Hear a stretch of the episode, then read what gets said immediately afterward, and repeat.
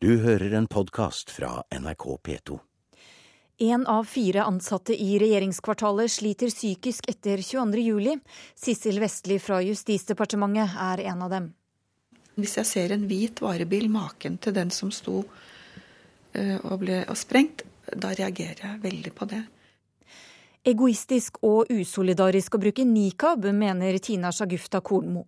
Hun møter nikab-bruker Leila Hasic til debatt og alarm etter at vaksinerte rumenske hester havnet på norske middagstallerkener. Ukeslutts reporter har testet rått hestekjøtt. Du hører på en podkast av Ukeslutt. Jeg heter Elisabeth Onsum. En av fire av de ansatte som var på jobb i regjeringskvartalet 22.07, sliter med sterke psykiske ettervirkninger. Det viser en undersøkelse fra Nasjonalt kunnskapssenter for vold og traumatisk stress. Reporter Aksel Wilhelm Due har møtt Sissel Vestli, som sto i tolvte etasje i Justisdepartementet da det smalt. Jeg bare tenkte jeg skulle um, sette deg inn i årets bild. Har du sett det? Det er situasjonen vår. Vi ser på årets bilde i Sverige for 2012. Sissel har på seg en lyseblå dress, og i fanget ligger mannen Vidar. På bildet her så ser vi da Vidar, mannen min, og meg sitte på trappen foran uh, skulpturen. Fra ansiktet til Vidar renner det blod, og klærne på overkroppen er revet opp. Neven er knyttet, og nederst i høyre hjørne, under foten til Vidar, har det samlet seg en mørk dam av blod. Og bilen min i bakgrunnen. Få minutter før bildet ble tatt, sto Vidar og ventet på Sissel 30 meter unna bombebilen. Sissel hadde akkurat vunnet Vinlotteriet og gjorde et siste søk på datamaskinen. Så gikk bomben av. Å, oh, shit, ass. Det er her det er.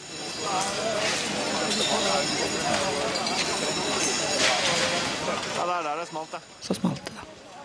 Jeg hadde jo kontor ut mot Akersgaten. Så um, vinduet kom inn, og jeg liksom En følelse av at alt bare lukket seg helt ned i meg. Det bare gikk rett ned i maven, faktisk. Og jeg visste at mannen min sto ute på plassen. Vi hadde jo fremdeles ikke sett ut mot Grubbegaten, vi så jo ut mot Akersgaten.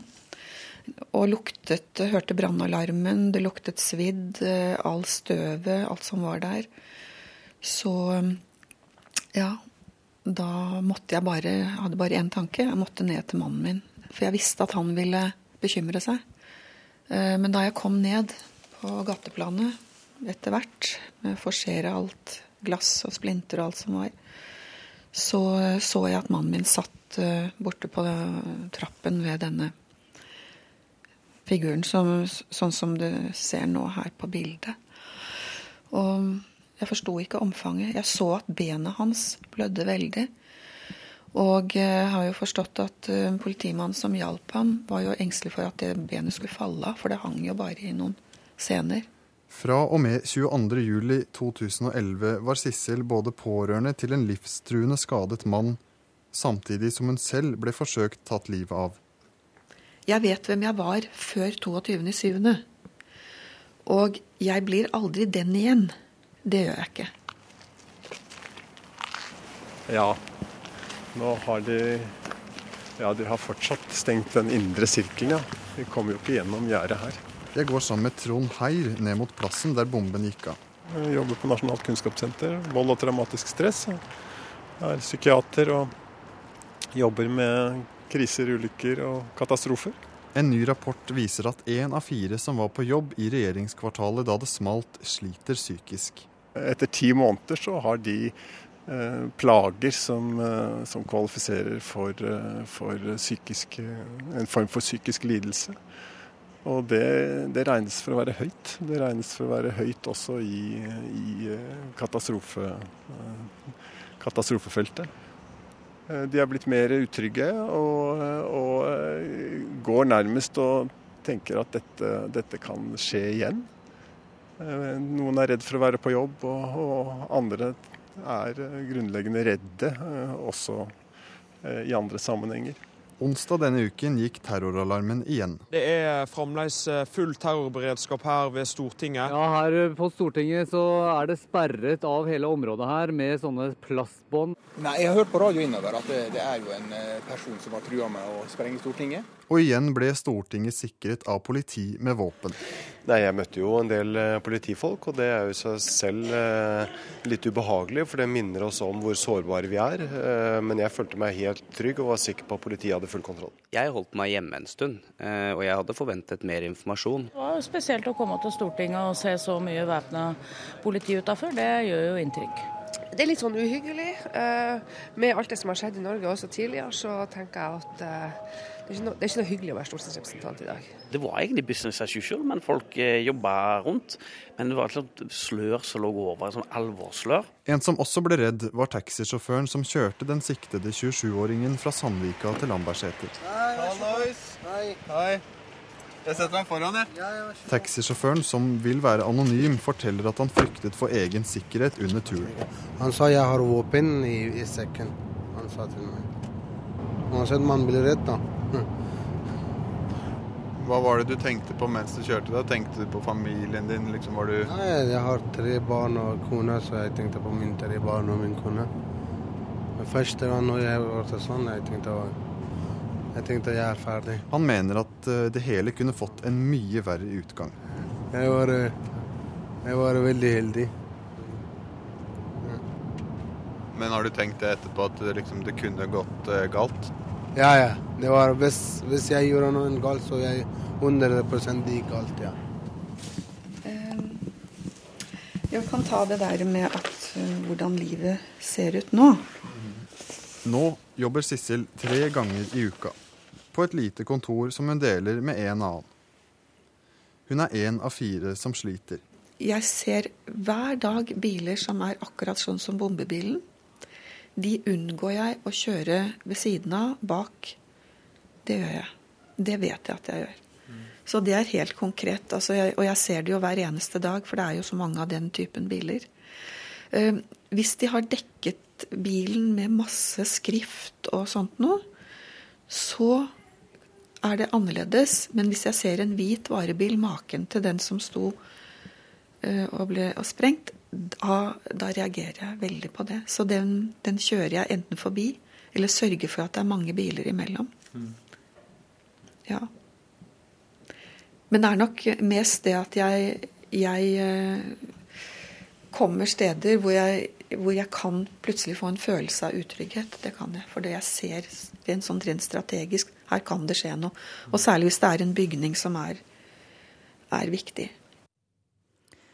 Justis- og beredskapsminister Grete Farmo, hvordan er det å være sjef på en arbeidsplass der hver fjerde du møter i korridorene sliter psykisk? Det gjør jo inntrykk å høre henne fortelle sin historie. Justis- og beredskapsdepartementet er eh, likevel en veldig hyggelig arbeidsplass. Vi har lært å ta vare på hverandre om mulig enda bedre enn før. Både gjennom et profesjonelt eh, tilbud eh, for de som trenger det, men også eh, rett og slett vise omsorg for hverandre. Så jeg er så heldig og glad for at jeg faktisk ser at vi har et sykefravær i departementet som nå går ned igjen, og faktisk er under hva det var både i gjennomsnitt i departementene og selvsagt også for et år siden. Så det er ikke behov for flere tiltak eh, sånn som du ser det i dag? Jeg syns det er viktig at vi følger dette nøye og løpende. Og at vi har et godt eh, tilbud i dag for de som trenger det, er viktig. En av de eh, viktigste oppgavene til myndighetene er jo å garantere borgerne grunnleggende sikkerhet. Og er du fornøyd med det samarbeidet som politiet og Forsvaret har i dag i forhold til terrorberedskap? Det har et forbedringspotensial, men samarbeidet er godt. Jeg er også eh, opptatt av at eh, Norge er jo et grunnleggende trygt samfunn. Så har regjeringen likevel forplikta seg på å styrke beredskapen, så jeg jobber daglig med tiltak for å bidra til det, også i samarbeid med forsvarsministeren. Mm, du sier de har et forbedringspotensial. På hvilken måte? Vi har endra bistandsinstruksen og eh, gjør det derfor lettere å kalle på hjelp fra Forsvaret. Men vi har Men det sett kan fortsatt ta opptil tolv timer før de er på plass? Vi har sett at beslutningsrutinene, ikke minst på justissiden, kan bedres, og dette jobber vi med. Og vi har gjort både øvelser og andre tiltak for å bevisstgjøre partene på begge sider. Og så er det jo likevel viktig at det er utgang, Utgangspunktet er at det er politiet, det er vi i justissektoren, som skal håndtere eh, spørsmål av politimessig art. Mm. André Oktay Dahl fra Høyre, du er nestleder i justiskomiteen på Stortinget. Er, er, fungerer samarbeidet mellom politiet og Forsvaret godt nok, syns du? Nei, Svaret på det er jo nei, og det har for så vidt justisministeren også sagt. Det er fortsatt et stort forbedringspotensial. Det viste f.eks. en øvelse i fjor, øvelse Tyr. Da så man mye av de samme utfordringene vi så ved 22.07. Vi så det ved Stortingets åpning. Der måtte man gå ganske mange runder i Justisdepartementet for å få klarlagt det. Og når det tas opp politiet skal være i stand til å håndtere ting, det er vi helt enig i. Men da er det litt rart at det første man gjør, med det første ordentlige budsjettet etter 22.07, så legger man altså fram et budsjett uten en eneste krone til at politiet kan øve mer. F.eks. på å skyte. For mange politifolk, flere tusen, har altså ikke anledning til å bære våpen, for de har mistet adgang til å bære det. Da betyr det at vi har flere tusen politifolk som vi ikke kan bruke til f.eks. å sikre objekter hvis det skjer en stor situasjon en annen gang. Men jeg oppfatter det dit hen at statsråden er inne på et rett spor, f.eks. ved at man lovregulerer samarbeidet mellom justis og forsvar, som man ikke gjør i dag. Det har vi presset på for lenge, og det er jeg glad for at statsråden har sagt at hun kommer til å fremlegge sak om etter hvert. Mm. Men nå sier dere begge to at samarbeidet kan bli bedre.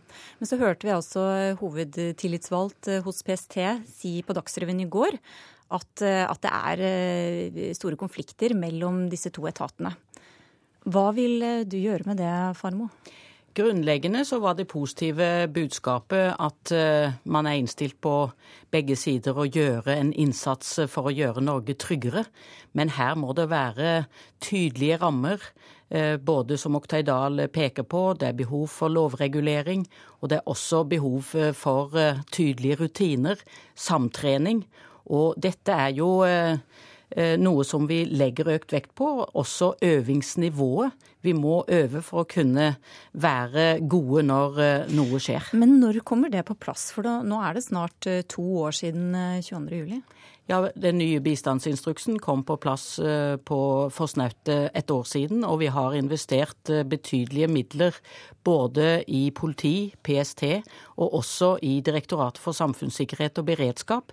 Jeg legger jo merke til at Oktay Dahl er glad i å kritisere regjeringens tiltak, men når han har pekt på en del ting, så sier at han er grunnleggende enig likevel i de tiltak som fremmes. Og jeg må jo også da understreke at ting tar tid. Vi gjør tiltak, strakstiltak, men vi har også en langsiktighet i det vi gjør for å sikre et bedre Beredskaps-Norge. Dahl. Altså At jeg som en opposisjonspolitiker kritiserer for at det går for sakte, det er bare rett og slett, det må rett og slett statsråden da ta oss et kompliment. Det er jo fordi at vi, vi, ønsker fortgang, og statsråden kan jo også bruke opposisjonen enda mer enn i dag for å få til gode tiltak. Men de kulturelle problemene som egentlig innslaget på Dagsrevyen i går viste, det er jo et tegn på at det er frustrasjon i begge etater. Og det har det vært lenge. Det tyter opp det ene utspillet etter det andre om at man ikke samhandler, at man ikke informerer hverandre osv. Ja, hvordan skal man komme det til livs? Nei, Det er to ting. Det er jo at de som jobber enten i politiet og Forsvaret, må også skjønne at skattebetalerne betaler de faktisk for å skape trygghet for samfunnet, ikke for at de skal krangle internt. Og så må vi også ha en ledelse, gjerne en ny statsminister, som kan skjære gjennom på en annen måte enn det f.eks. Gjørv-kommisjonen pekte på. Så det handler også om ledelse fra toppen. Jeg tror uh, Grete Farmo gjør en god jobb, jeg som justisminister, men uh, det har vel vist seg at det kanskje skortet litt på topplederen av regjeringen. Og der tror jeg en ny regjering med Erna Solberg som statsminister vil være et godt tiltak for å rett og slett få en bedre beredskap. Ikke overraskende. Det var et rent reklameinnslag, men jeg har lyst til å peke på at uh, vi har jo iverksatt tiltak for å bygge beredskapssenter. Vi vil samle både beredskapstroppen, hundepatruljen og helikoptertjenesten i politiet for disse trenger rett og slett en annen lokalisering og grunnlag for å kunne gjøre jobben sin på en god måte. Vi vil gjøre en rekke tiltak både for oss å styrke nærpolitiet og eh, operasjonssentralene, og vi vil legge inn flere penger. Men vi må gjøre dette på en fornuftig måte. Vi må prioritere tiltakene, og her er jo rapporten fra 22.07-kommisjonen en veldig god veileder. Mm. Forsvarets spesialkommando har også vært ute og sagt at de ønsker seg en større rolle i eh, terrorberedskapene. Hva ja, mener du om det? Deres rolle er jo grunnleggende i Forsvaret og ikke her hjemme. Men eh, for oss er det viktig å sikre at vi har rutiner for å kalle på bistand fra Forsvaret om vi trenger det. Vi har det allerede i kontraterroroppgaver knytta til våre oljeplattformer. Og vi har også en egen lov som f.eks. regulerer begrensa politimyndighet for Kystvakten. Vi har altså disse lovregulerte eksemplene på at vi trekker på Forsvarets ressurser. Og det er dette vi også ønsker å gå dypere inn i. I tilstrekkelig grad. Men eh, det er en politimessig oppgave å sikre samfunnssikkerheten mm. her hjemme. Ja. Da må jeg jo si at Det hadde jo vært et godt utgangspunkt at du hadde fått den politidekningen som hele Stortinget har vært enige om nå i lang tid. Eh, vi ligger langt på etterskudd. fordi Det nytter jo ikke å si at man skal ha tiltak og politiet skal ansvaret når de er for få. Vi trenger flere politifolk med færre oppgaver som de gjør bedre. Det tror jeg må være løsning for at vi får et politi som kan gjøre den jobben som Faremo mener at de skal gjøre. Ja, og Derfor kommer det 350 netto flere polititjenestemenn ut i år. Og det er på bakgrunn av at denne regjeringen økte studentopptaket. Men det er en god da illustrasjon på at det tar flere år faktisk å forsterke innsatsen. Da må vi avslutte. Takk skal dere ha, André Oktay og Grete Farmo. Hvis det er noen som eh, putter hestekjøtt i et produkt som de stempler storfekjøtt på, vel, da er det svindel. Det betyr at det er mye penger å hente på det, og det er alvorlig, og det må følges opp på flere andre ledd enn bare uh, matsikkerhetsleddet. Ja, Det var helseminister Jonas Gahr Støre om matskandalen som eh, bare ser ut til å vokse. For mange kan altså ha kost seg med hestelasagne det siste halvåret, helt uten å vite det. Noen har nemlig bytta ut ku med vaksinert hest i flere typer frossen lasagne. Men egentlig har vi lang tradisjon for å spise hestekjøtt. Ukesluttsreporter Linn Beate Gabrielsen dro på en bedre restaurant for å spise rått hestekjøtt, altså hestetartar. Ok, Vi trenger hestekjøtt, som er eh, akkurat med kniv akkurat nå. Og så har vi rødbeter. Rødbeter som er eh, bakt i salt. Og så uh, vi lager små deises av det. Og så har vi uh, rødløk, som er også uh, minst. Ganske fint, akkurat. Og så har vi saltet kapres. Hvor er hestekjøttet fra, da? Den er uh, norsk hestekjøtt. Som kommer fra Nordfjorda. Helt sikker? Helt sikkert. ja. Kokk Jan Mansaa lager en av de mest populære forrettene på restauranten St. Lars på Bislett, hestetartar. Litt pepper olivenolje. Så tar vi et egg. Jeg er veldig glad i hestekjøtt. Både rått og jeg syns det er veldig godt uh, kjøtt å spise rått. Matskribent og restauranteier Andreas Viestad tar en skje og smaker på den mørkerøde blandinga av rått kjøtt og rå eggeplomme. Mm. Deilig. Right. Er, du, er du vant til å spise hestekjøtt sånn vokst opp med det? Ja, jeg har faktisk uh, kommet fra Narbonne i Sør-Frankrike. Så jeg husker at uh, vi var veldig ofte med min uh, morfar og kjøpte hestekjøtt på markedet der. Og det var en, en, lunsj, en søndaglunsj eller kveldmiddag. Mm. Noen driver til og med og klassifiserer det etter hvor mye penger da, hesten har spilt inn på travbanen. jeg er ikke sikker på om det blir bedre av det. altså. Kan du beskrive smaken av hestekjøtt? Ja, det er bare Jeg tror alle har smakt den. Bare lukk øynene og tenk på den beste biffen du har eh, spist. Hestekjøtt smaker sånn. På St. Lars er det en helt frivillig sak å spise rent norsk hestekjøtt. Men det hestekjøttet som er funnet i frossen lasagne i Norge og flere steder i Europa, bekymrer Mattilsynet fordi vi ikke vet hvor det kommer fra, og det kan inneholde dyremedisiner som er farlig for mennesker. Nå når det er disse her eh, skandalene rundt hestekjøttet, så får man jo en slags sånn følelse av at eh, det er noen som har puttet gift, eller noen som har liksom puttet malt grevling oppi lasagnen din. Men hestekjøtt er egentlig veldig likt eh, storfekjøtt. Men det noe, Har dere merka noe mer skepsis nå etter denne hestekjøttskandalen? Nei, snarere tvert imot at det er mer folk som eh, vitser og ler og sier Hæ, ja, de, de, som er hysteriske, de vet ikke helt hva de går glipp av. Det er jo ikke sånn at eh, det er bra med jukset, men det er innmari dumt med det hysteriet som gjør at eh, man tenker at eh, hestekjøtt er noe dårlig. På Skøyenåsen skole møter jeg fire tenåringer som har helt andre følelser for hest enn det den franske kokken har. Andrea. Frida. Ja.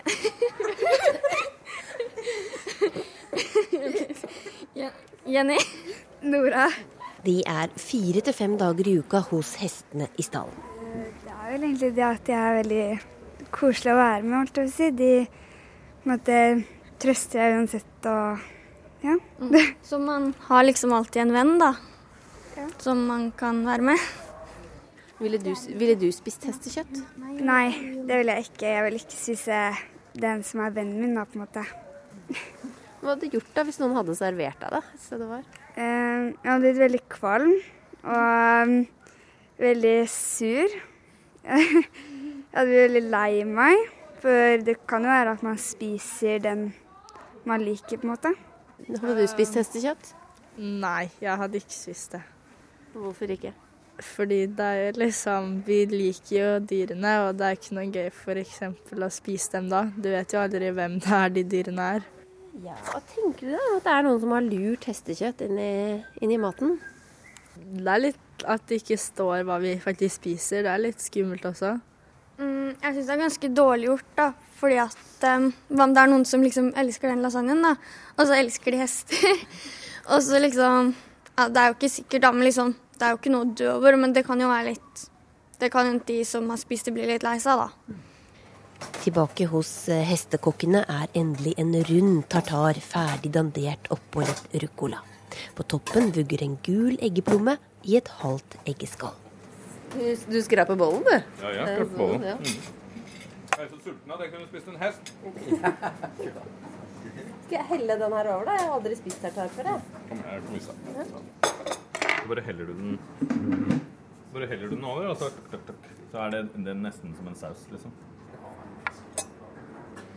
Det er jo fantastisk godt. Ja, ikke sant? Det er jo helt utrolig godt. Jeg tror alle liker det, men ikke alle tør å bestille det første gang. Du hører på en podkast av Ukeslutt. Fortsett med det å høre at SV vil ha egen ensomhetsplan for eldre i kommunene. Vi trenger ikke flere planer, men action, mener KrF. Og jenter trenger ikke være usikre og uinteresserte i sex for å være realistiske. Også feminister vil og kan pule, sier Guri Itzø Viken om TV-serien Girls. Jeg legger jo ikke skjul på hvem jeg er. På noen som helst måte. Det er fullt åpent. Og du kan se øynene mine veldig godt, og jeg har øyekontakt med deg. Ja, Det var Rama Søvik fra ukas eh, Brennpunkt-dokumentar. Hun eh, ble nektet undervisning av en professor i Tromsø fordi han ikke kunne se ansiktet hennes. I dokumentaren møtte vi flere kvinner som velger å bruke nikab, og en av dem var eh, deg, Leila Hasic. For de som ikke så programmet, hva slags reaksjoner får du fra folk som ser deg i nikab? Det er veldig mange rare reaksjoner. Noen av de er bare tomme blikk. Eh, som jeg kaller det for uh, killer look. Uh, andre er igjen stygge verbale kommentarer. Og så er det noen som går litt, litt mer fysisk til verks, som blitt kastet røyk på, spytta på, så prøvd å, har blitt prøvd å dra fysisk av nikaben i, i gata. Så det er ja. Mm. Du har sagt at eh, du opplever dette som et påbud eh, fra Koranen, at, eh, at kvinner skal dekke også ansiktet sitt. Hvorfor er det galt av en kvinne å vise ansiktet sitt offentlig? Jeg tror ikke at, at det er noe fasit på hvorfor det er galt. Vi som muslimer har en slik tro at det er så lenge så lenge det er et påbud, så er det påbud. Det er ikke noen diskusjon rundt det. Men da er det vel galt å ikke følge det påbudet?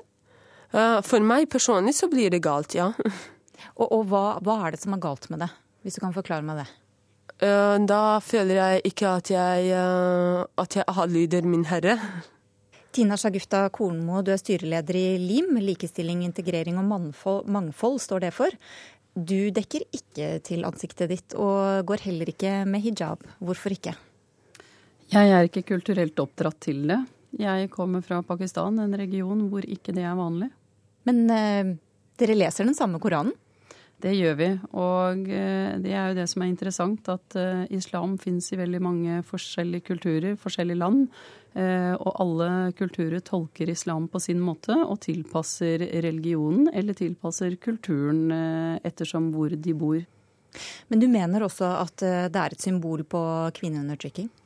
Ja, eh, tradisjonelt sett så har det vært det. Og også i dag så opplever vi både i utlandet og ikke minst i Norge, så opplever tving, eh, kvinner tvang i forbindelse med disse plaggene.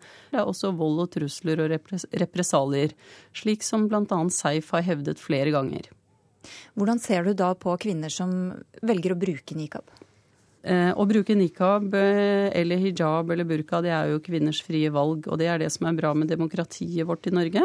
Men så syns jeg også det er eh, en smule egoistisk og kanskje usolidarisk å overse de, den volden og de truslene som veldig mange kvinner opplever.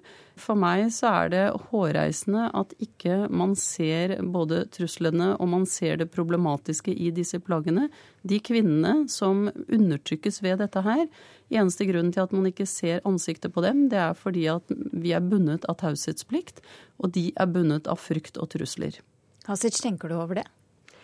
Jeg tenker over at det sikkert finnes noen som uh, blir truet eller uh, tvunget til å gå i uh, klær de ikke selv ønsker hvem er det som avgjør hvem som er undertrykket?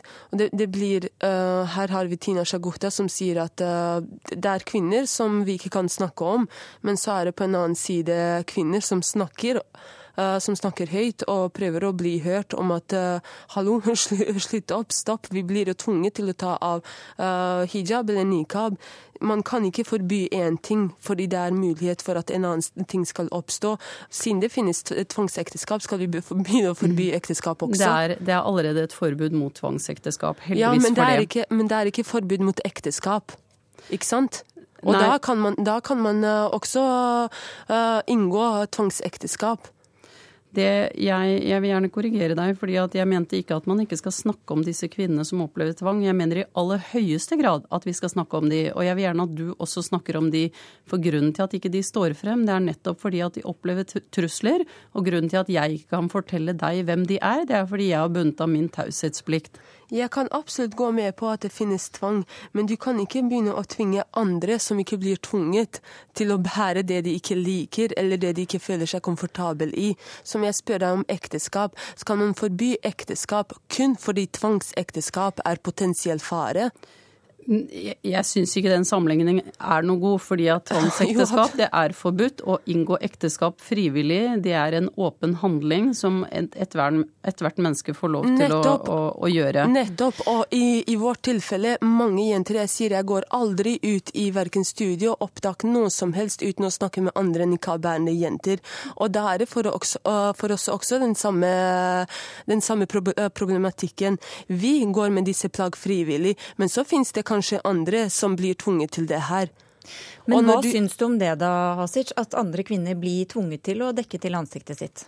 Altså, i, Så vidt jeg vet, i Norge så finnes det ikke. For uh, vi har et eh, bredt nettverk. Jeg, har, jeg er med bl.a. i Facebook-grupper hvor det er det over 2000 jenter. Det finnes ikke kvinner som blir tvunget til det? Sier du det? Uh, ja, jeg er av den oppfatningen. Som jeg det, sier Det er, er bare tull. Det er bare tull. Og de som vokser opp i minoritetssamfunnene, de vet at det er blankt løgn. Uh, av 2000 jenter inn på bl.a. kun én uh, Facebook-gruppe, så tror jeg at noen hadde i hvert fall under Det er veldig mange falske profiler, altså navn, så tror jeg i hvert fall noen bedt om, uh, hadde bedt om hjelp eller fortalt om sine problemer, om det var slik. Og da syns jeg det er utrolig rart at ingen har hintet inn på det her. Det er flere som har hintet. Gerd Fleischer i Seif har hintet om det veldig lenge, i mange år.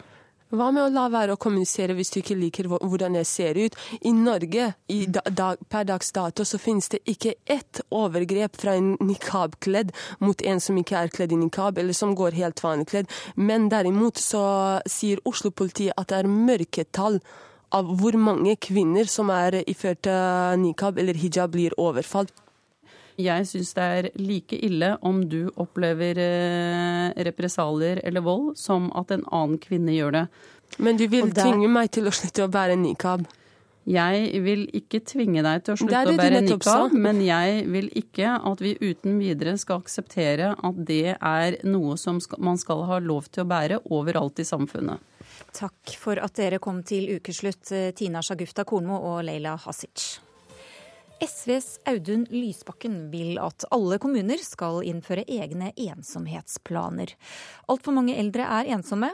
Kollega Eivind Våge har møtt 93 år gamle Tor Larsen, som ble alene da kona hans gjennom 72 år gikk bort. Jeg tror ikke jeg hadde levd. Det er helt sant. Jeg var så nære helt i bånn. Men her jeg kom hit det ser på meg sjøl. Helt annerledes. Jeg kom hit 93 år gamle Tor Larsen har bodd ett år i omsorgsleiligheten sin på Ensjøtunet i Oslo. Men her skal du se på noe rart når jeg først er her, og vise dere så må jeg Alfhild, som Tor giftet seg med da han var 20, døde i fjor. Jeg må fortelle begynnelsen av skapelsen. på veggen over senga henger mange bilder av de to, fra et langt liv sammen. 72 år. Da tok jeg det bildet. En veldig pent par. Ja.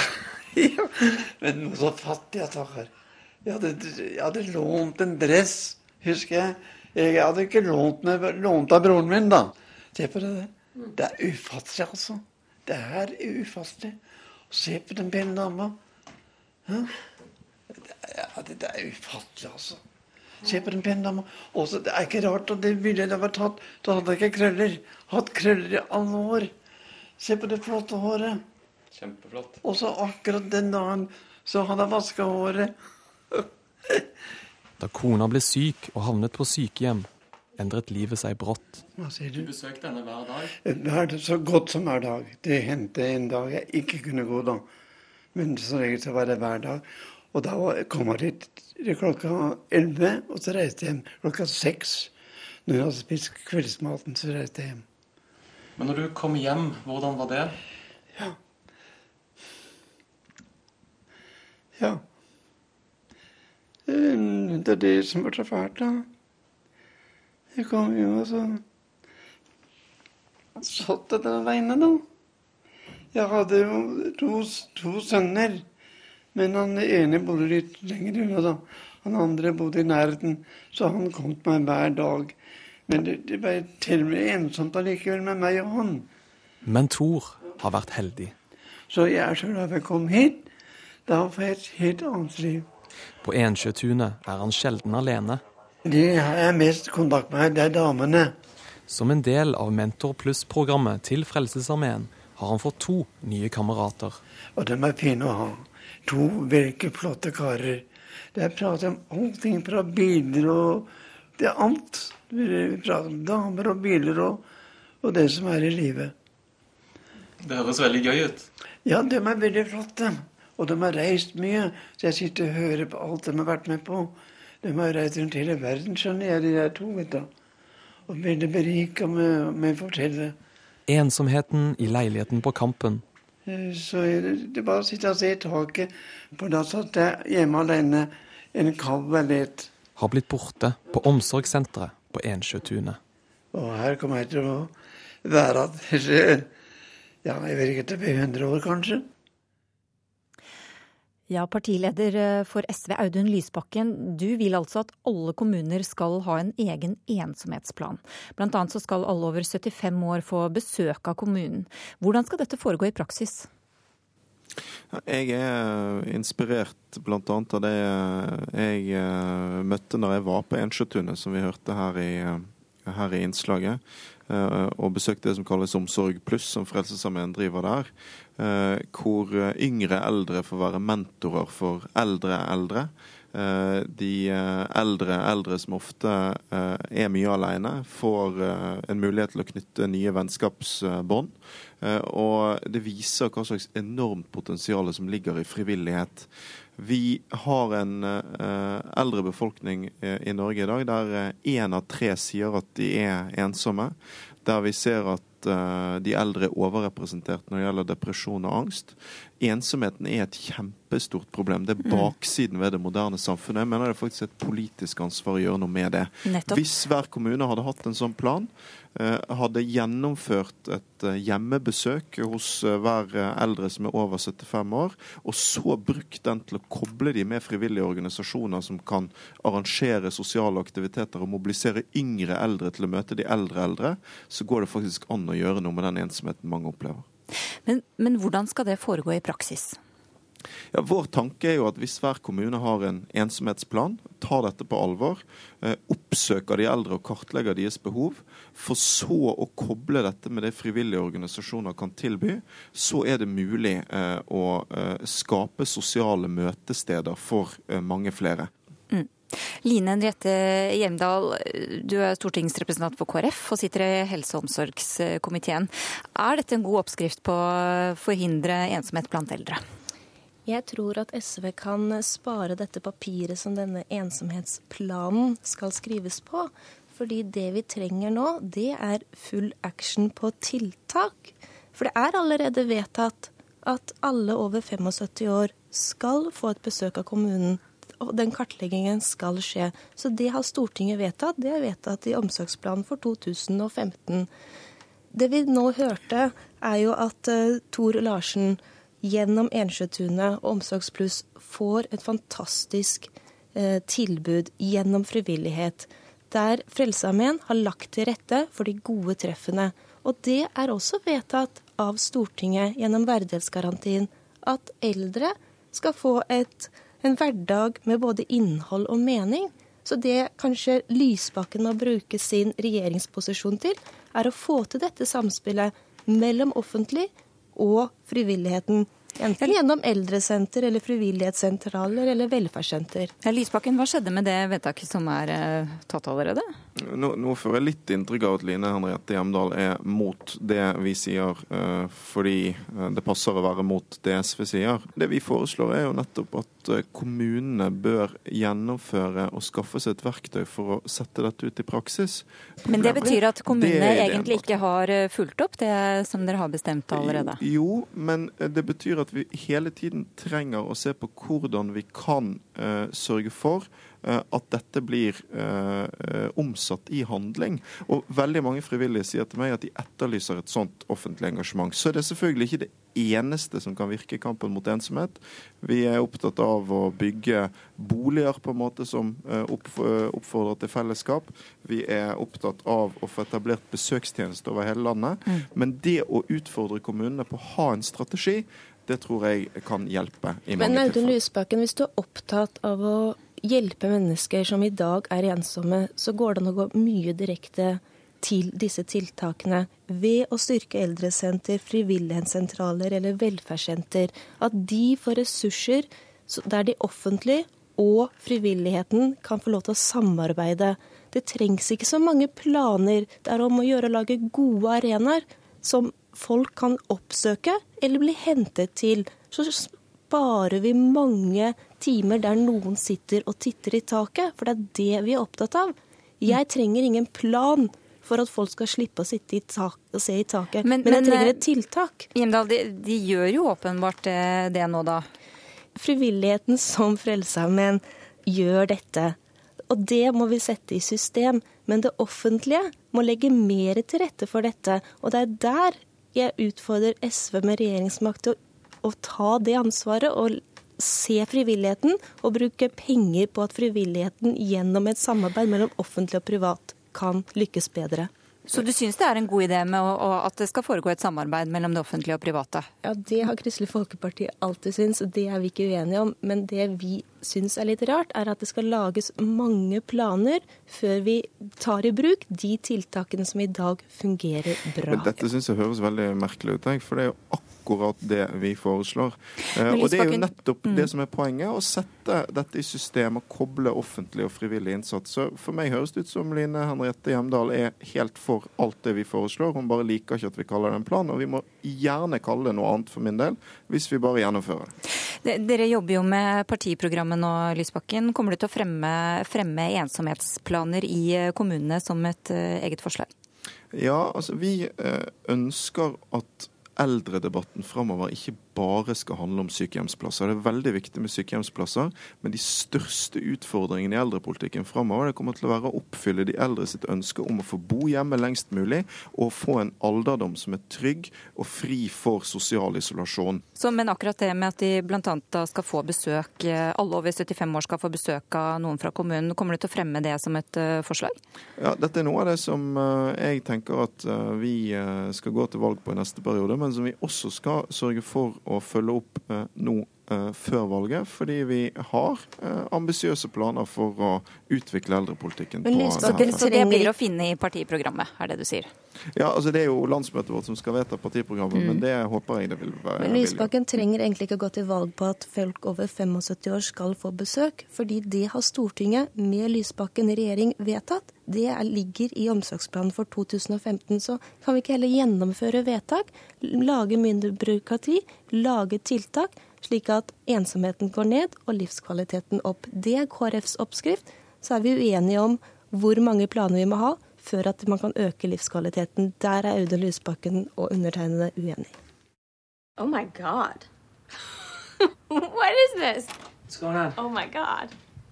Oh my god! That's a dick. Somebody please explain this to me. That's a semi hard dick with a squirrel skin wrapped around it. Adam just texted that to me. Hannah har akkurat mottatt en SMS fra kjæresten med bilde av penisen hans. Oh, it's him. Oh my god. Men den tekstmeldingen var ikke til henne. It's a text. It says, Sorry, that wasn't for you. De fire New York-venninnene i TV-serien Girls skal være et motsvar til de mer glamorøse venninnene fra serien Sex og singelliv. Sometimes I just wish someone would tell me, like, this is how the rest of your life should look. Jentene i serien, Hannah, Jessa, Marnie og Soshanna, er alle i 20-årene med de utfordringer det byr på. When was the last time you had sex? Who do you think I am? Oh, I think you're a person who was about to have sex with me. TV-serien som er lagd av det amerikanske produksjonsselskapet HBO, har vunnet mange priser, deriblant Golden Globe for beste TV-serie 2013. Sure.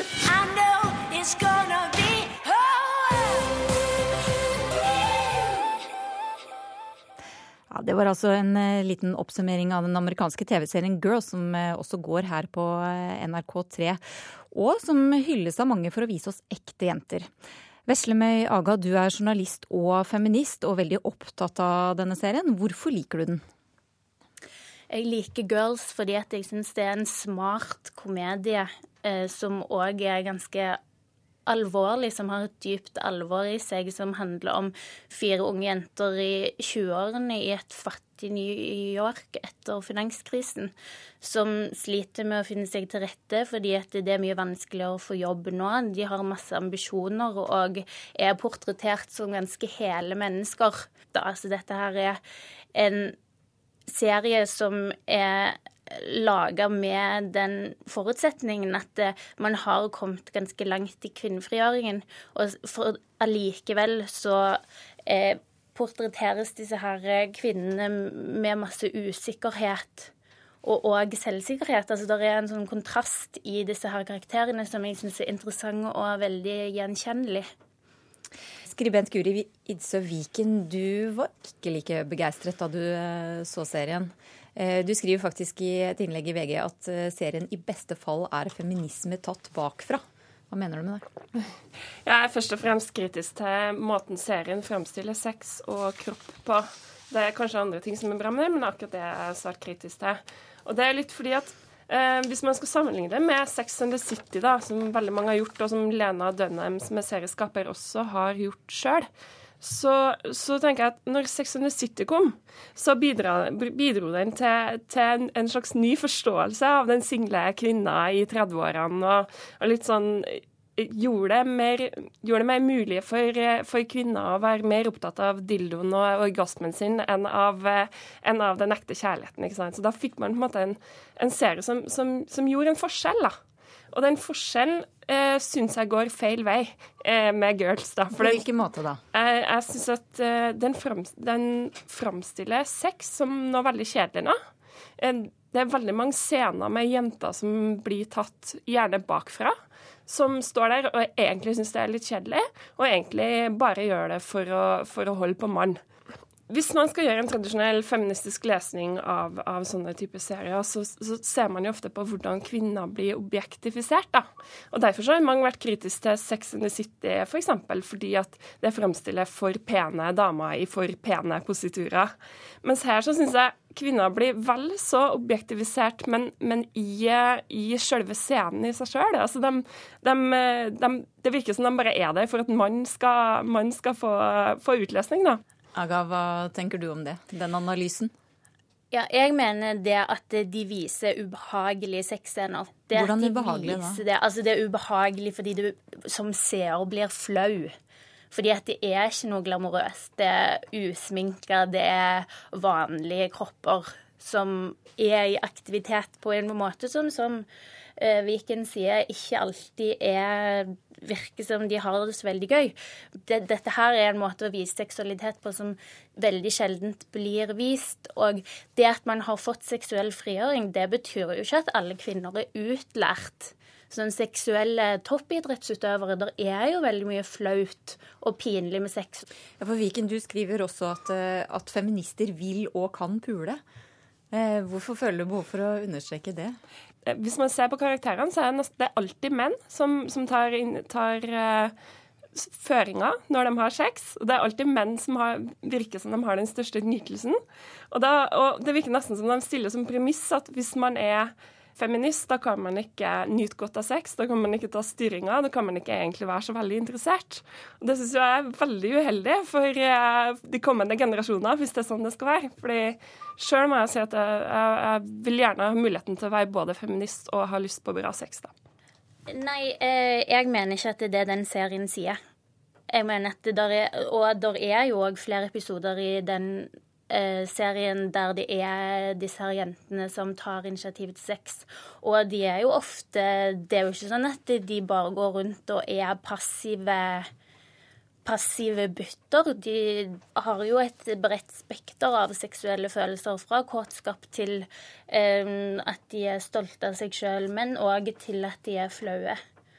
Dette her med eh, at de viser disse her vanlige kroppene, da, det har jo blitt veldig kritisert, og det er åpenbart veldig provoserende, for Lena Dunham driver og kler av seg i veldig mange av episodene. Og hun har vært store debatter om dette i USA også? Sant? Ja, veldig store debatter. Og nå i den siste episoden som har gått i USA, der plukker hun opp en vellykka lege og så går de hjem til han, og så har de sex, og så spiller hun pingpong eh, med bare overkropp sammen med han. Og denne her eh, episoden har skapt svære reaksjoner i USA. Kommentarfeltene har flomma over av reaksjoner som er sånn her, Hvordan kunne han mannen der, som er så vellykka, like en dame som Lena Dunham? Og eh, hvorfor skal den ekle damen der kunne ha draget på en så fin mann? Og det er det påfølgende ofte at kvinner i populærkulturen som er sårbare og intellektuelle, at de òg er magre og gjerne litt tause. Mens Hannah Horback, som Len Dømmenems karakter heter, hun er bråkete og irriterende, og hun snakker masse.